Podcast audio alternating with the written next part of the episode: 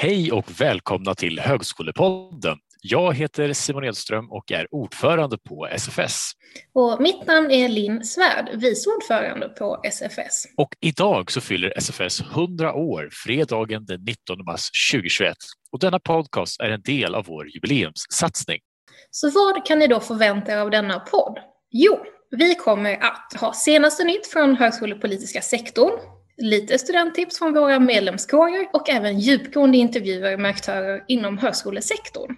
Men först så måste vi presentera oss själva. Simon, vem är du? Ja, vem är jag egentligen? Jag är då Simon Edström, ordförande för Sveriges förenade studentkårer och eh, jag har varit engagerad i SFS i ett antal år nu, men tills den 30 juni så är det dags för mig att lämna facklan vidare.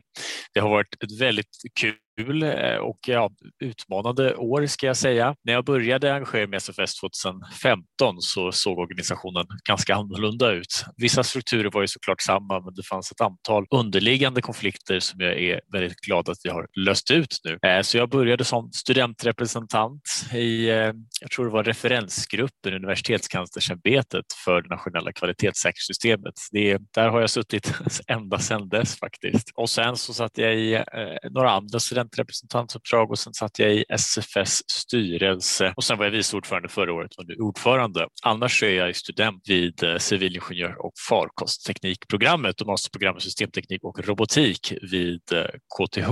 Tidigare varit heltidsarvoderad på studentkåren vid KTH THS. Det gav ju väldigt många erfarenheter och insikter som har varit väldigt användbara för det här uppdraget. Det är jag och jag tycker att det har varit eh, jätteroligt, jätteroliga år här på SFS. Jag skulle rekommendera det för alla och det som jag verkligen gillar med SFS det är att det är på riktigt. De frågorna vi påverkar inom dem, det händer saker med dem och det påverkar studenter och samhället på riktigt.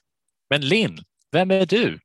Ja, eh, jag är Linn Svärd, vice ordförande på Sveriges förenade studentkårer. Och ja, det är väl lite oklart varför jag hamnar här. Jag har ju varit student kanske lite för länge, men har en liknande bana som Simon, det vill säga började som studentrepresentant i någon form, det vill säga fick representera Sveriges förenade studentkårer eh, i någon instans. Jag började på Universitets och högskolerådet, någon grupp där och någon grupp på Universitetskanslerämbetet och fick då vara med att ja, men djupdyka i kvalitetsfrågor och främjandefrågor. Ehm, men tidigare så är jag då Lundastudent och har läst lite blandat. Började också på en ingenjörsutbildning, har dock inte avslutat den. Hamnade istället på lite konstvetenskap och liknande. Tyckte att det var viktigt med frågor om arbetsmiljö, hållbar utveckling och att ta tillvara på våra internationella studenter. Så det är det som var mina prioriterade områden 2011 när jag började på LTH i Lund. Och de frågorna har jag jobbat vidare med än idag. Så att efter min tid som studentrepresentant så gick jag med i SFS styrelse, vilket var ett fantastiskt roligt år att få testa på det här och jobba lite närmare SFS eh, organisation och verksamhet. Och sen nu för snart ett år sedan så klev jag då på som vice ordförande. Vad framtiden har att utvisa, det får vi se. Ja, så vad är då SFS? Simon?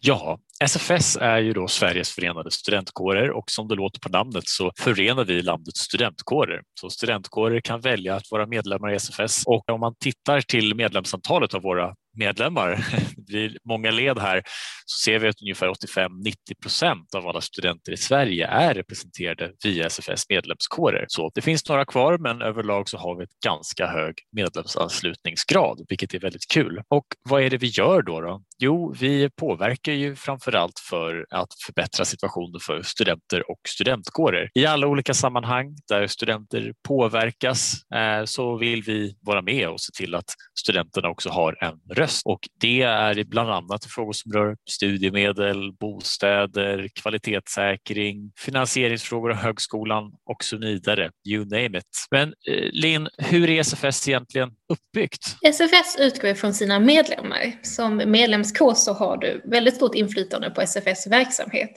Det är våra medlemmar som träffas ungefär en gång per år på vårt fullmäktigesammanträde och sätter verksamheten sett till organisation, förtroendevalda och Eh, vilket uppdrag vi ska ha, det vill säga verksamhetsplan och lite budgetfrågor. Vårt fullmäktige väljer även en styrelse och just nu så utgör styrelsen av 13 ledamöter och då har vi även eh, två presidialer och just nu så är det då jag och Simon Simon och det är vi som leder det dagliga arbetet. Till styrelsen har vi sedan tre kommittéer. Första handlar om kvalitetsfrågor, benämns SQC. Den andra är vår internationella kommitté och den tredje är SFS doktorandkommitté som då jobbar med framförallt forskarutbildningsfrågor. Och vi har ju då även ett kansli som utgår ifrån Stockholm, ett litet minikansli där vi har politiska sekreterare, kommunikatör, organisationssekreterare och en eventkoordinator för vårt fantastiska hundraårsfirande. Ja, sen det som är riktigt speciellt med SFS det är att vi är de som utser de nationella studentrepresentanterna. Så i ganska många organ, i eh, synnerhet de som verkligen påverkar studenterna, eh, som exempelvis eh, insynsrådet för CSN och UKÄ och styrelsen för UHR och ett antal andra centrala ofta myndighetsorgan så utser vi nationella studentrepresentanter och en lista över de här hittas på SFS hemsida. Det är ungefär 50 stycken. SFS är också en nationell remissinstans, vilket betyder att när exempelvis regeringen undrar vad tycker egentligen studenterna i den här frågan så brukar de tillfråga SFS och då kan SFS utgöra ett samlat svar för hela studentrörelsen. Men Linn, hur var ditt första möte med SFS och vad lockar det egentligen? Oj då, det där var en svår fråga. Ehm, nej men jag var ju som sagt intresserad av internationella studenter och att vi skulle vara mer inkluderande till dem. Och min första kontakt med SFS var när jag satt i styrelsen på teknologkåren. För då skulle vi välja personer som skulle åka till eh, SFS fullmäktigesammanträde. Och jag i, i egenskap av styrelseledamot skulle då välja vem skulle få åka. Och det var jättehög konkurrens. Och då tänkte jag så här, shit, vad är det här för spännande organisation? Varför vill folk åka dit? Varför vill de påverka nationell politik? Så här, vi kan väl göra bäst här på vårt lärosäte. Och i samband med det här så helt plötsligt hade jag skrivit en motion om att men, göra SFS mer tillgängligt för studenter, framförallt internationella studenter då. Och det här var kring 2015. Så det var mitt första möte. Att jag skrev en motion eh, med en annan studentkår faktiskt och fick beskedet att tack för motionen men nej tack det är inte intressant. Och då tänkte jag den här frågan, den är viktig. Så än idag så jobbar jag med den här frågan. Alla ska ha möjlighet att engagera sig i SFS oavsett om du är svensktalande eller ej. Och vad var det då som lockade? Ja du, bra fråga. Um, vet faktiskt inte. Det var en spännande, nyfiken organisation och lite som du var inne på Simon, det här med att faktiskt göra skillnad, att SFS påverkar för gemene student. Och det kan handla om studiesituationen eller utbildningskvaliteten. Det finns så många frågor som handlar om just högre utbildning. Simon, vad tyckte du var intressant med SFS? Du pratade tydligare om kvalitetsfrågor, men så här, vad är det för någonting? Ja, jag kan säga att mitt, ett av mina första möten med SFS det var också när jag skulle vara delegat till SFS-FUM och då sa vår delegationsledare i princip att SFS, det är bara skit. Det enda de gör som är vettigt det är att de eh, svarar på remisser och utser studentrepresentanter. Så då tyckte jag, okej, okay, men det här med studentrepresentanter verkar ändå vara lite vettigt och intressant. Jag började med att engagera mig där och sen genom en år så kanske jag insåg att det var inte så himla skit som den här personen då hade sagt. Nej, men jag började engagera mig i kvalitetsfrågor. Det handlar ju just om hur skapar vi eh, ett aktivt arbete med att förbättra och säkra utbildningskvaliteten och Sen blir det ju massa följdfrågor på det här. Vad är utbildningskvalitet och vad ska egentligen staten styra och vad ska lärosätena göra själv och hur involverar man studenterna på bästa sätt och så vidare. Eh, men det som har varit spännande i det arbetet är att Sverige nu har eh, de senaste åren i alla fall, de som jag har varit engagerad i, har haft ett stabilt kvalitetssäkringssystem. Det har inte ändrats hela tiden så som det har varit historiskt. Nu är faktiskt första gången som det här nuvarande systemet kommer förhoppningsvis då, överleva en cykel och kunna utvecklas. Och det här har vi inom SFS alldeles nyligen släppt ett så kallat position paper kring där vi lägger ut så här vill studentrörelsen att det nationella kvalitetssäkringssystemet ska utvecklas. Så om ni är intresserade av det så kan ni hitta det på sfs.se. Spännande Simon. Vad händer mer inom studentrörelsen just nu? Så här, mitt uppe i en pandemi, hur påverkar den högre utbildning och studenterna och även våra doktorander? Vet vi ens hur det går och är det någon som följer upp det?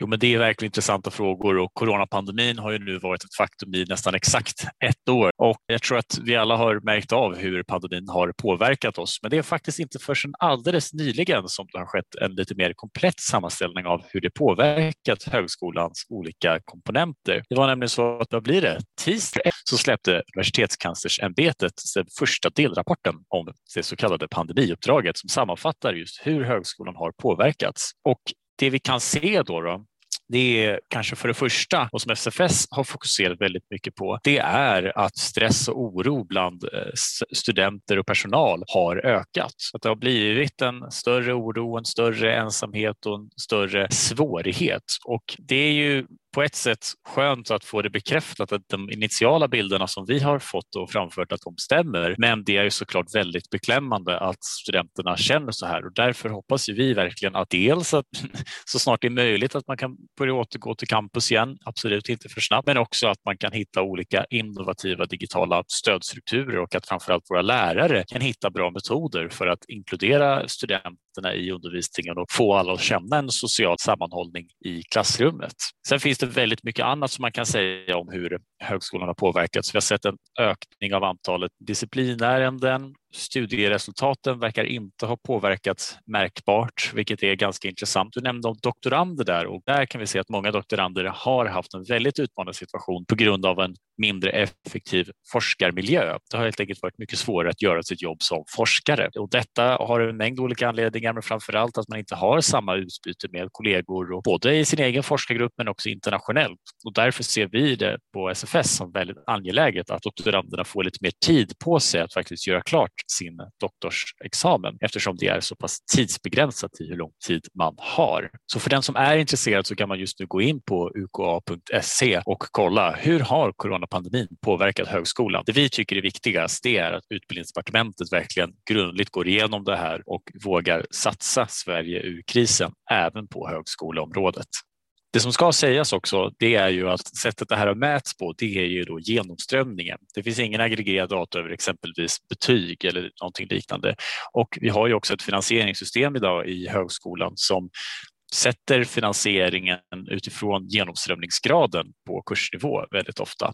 Och det leder ju till att vi vet ju inte om kunskapskraven har minskat, vi vet inte om betygen har minskat och så vidare. Så man ska ta det här med en liten nypa salt. Men det verkar i alla fall som om studenterna kommer ta examen i samma grad som de gör i dagsläget.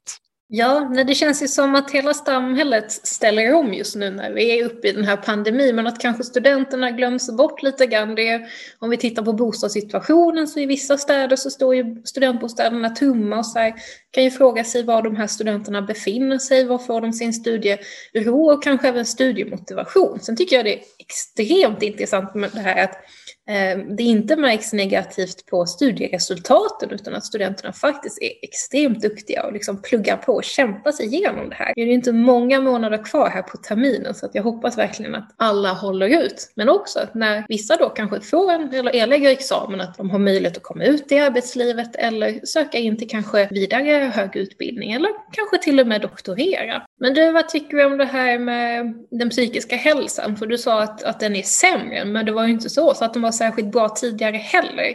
Ehm, det här med just psykisk hälsa och arbetsmiljö är en fråga som SFS har drivit under flera år. Och jag vet inte, det känns ju inte jättetryggt att, att som situationen är just nu, att ja, men fler mår sämre, att vi kanske känner av ensamhet. Har vi några tankar där på kanske vad som borde göras?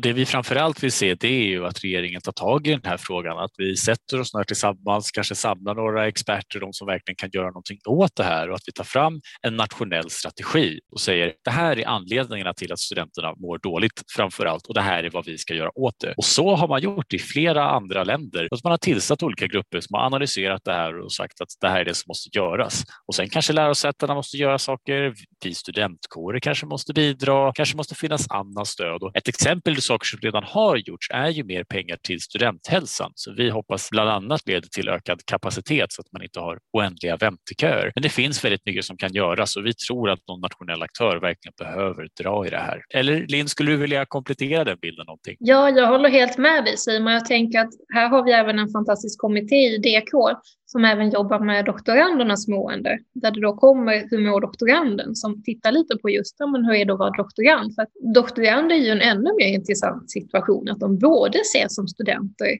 och anställda. Och båda de här grupperna märker vi av en, en inverkan nu när vi är i pandemin. Eh, och de har ju en ansträngd situation vanligtvis också, med märkliga förhållanden kring ja, relationen till din handledare och så här. Ja, det vore väldigt bra om vi kunde få lite bättre ja, men data, underlag och kanske ja, men en nationell översyn på det här, liksom strategier, expertråd, någon instans som faktiskt ja, men djupdyker i, i, i den här frågan om psykisk hälsa. Så vad innebär det då att vara student just nu? Många av oss har övergått till digitala format, det vill säga att vi får all vår undervisning via nätet på ett eller annat sätt. Men Simon, vad gäller här kring högskolepedagogik? Det vill säga lärandeprocesser och lära ut kunskap sen. Alltså hur, hur kan en lärare förmedla den idag när allting sker på nätet? Ja, det finns ju väldigt många olika sätt och som tur är så har vi ju i Sverige en stark digital infrastruktur. Många har tillgång till datorer och internet eh, och det har verkligen varit en fördel till Sverige. Men det vi sett är att lärarna kan bli väldigt mycket bättre på att använda digital teknik. Och det här har inte nödvändigtvis att göra med en illvilja från lärarna utan det här har att göra med att lärarna har väldigt mycket annat att göra och kanske inte de bästa stödstrukturerna. Och därför vill vi se ett digitalt högskolepedagogiskt lyft där alla lärare får möjlighet i sin tjänst för kompetensutveckling inom just högskolepedagogik. Och för att kunna få den kompetensutvecklingen och få den bra så behöver vi även stärka de högskolepedagogiska utvecklingsenheterna som nu under pandemin har behövt att dra ett otroligt tungt lass och kommer förmodligen behöva göra det under lång tid framöver. Och därför ser vi det som väldigt angeläget att såväl regering som lärosätena verkligen nu vågar satsa på kompetensutveckling av lärarna och digital högskolepedagogisk kompetensutveckling i synnerhet. 2021 är SFS jubileumsår. Ett helt år då vi ska fira att vi fyller 100. Det är imponerande att vi har funnits sedan 1921. Men vad kommer det här jubileumsåret innebära? Så här, hur kan vi uppmärksamma studentrörelsen, studentinflytande, studentmedverkan, allt det där som gör den högre utbildningen till att faktiskt bli ännu bättre i sin kvalitet. Det vill säga att vi kan locka till oss studenter att plugga vidare eh, och så småningom komma ut i arbetslivet. Tänk, det är faktiskt morgondagens ledare som, som kommer ut i det här systemet. Åter till jubileum. Hur ska vi fira det? Jo, vi har ju den här podcasten. Vi har även jubileumsseminarium där vi djupdyker på specifika ämnen med vanligtvis en panel med eminenta panelister, det vill säga sakkunniga, intresserade och liknande. Och förhoppningsvis vad händer om ett år Simon? Ja, egentligen så skulle vi ha nu i helgen haft en fantastiskt storslagen fest på Stadshuset i Stockholm. Men den har vi skjutit fram till ett år och då hoppas vi verkligen kunna ha möjlighet att fira SFS jubileum ordentligt.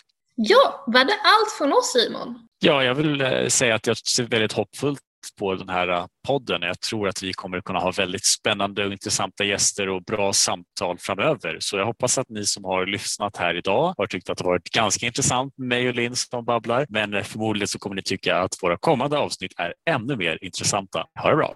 Hej då!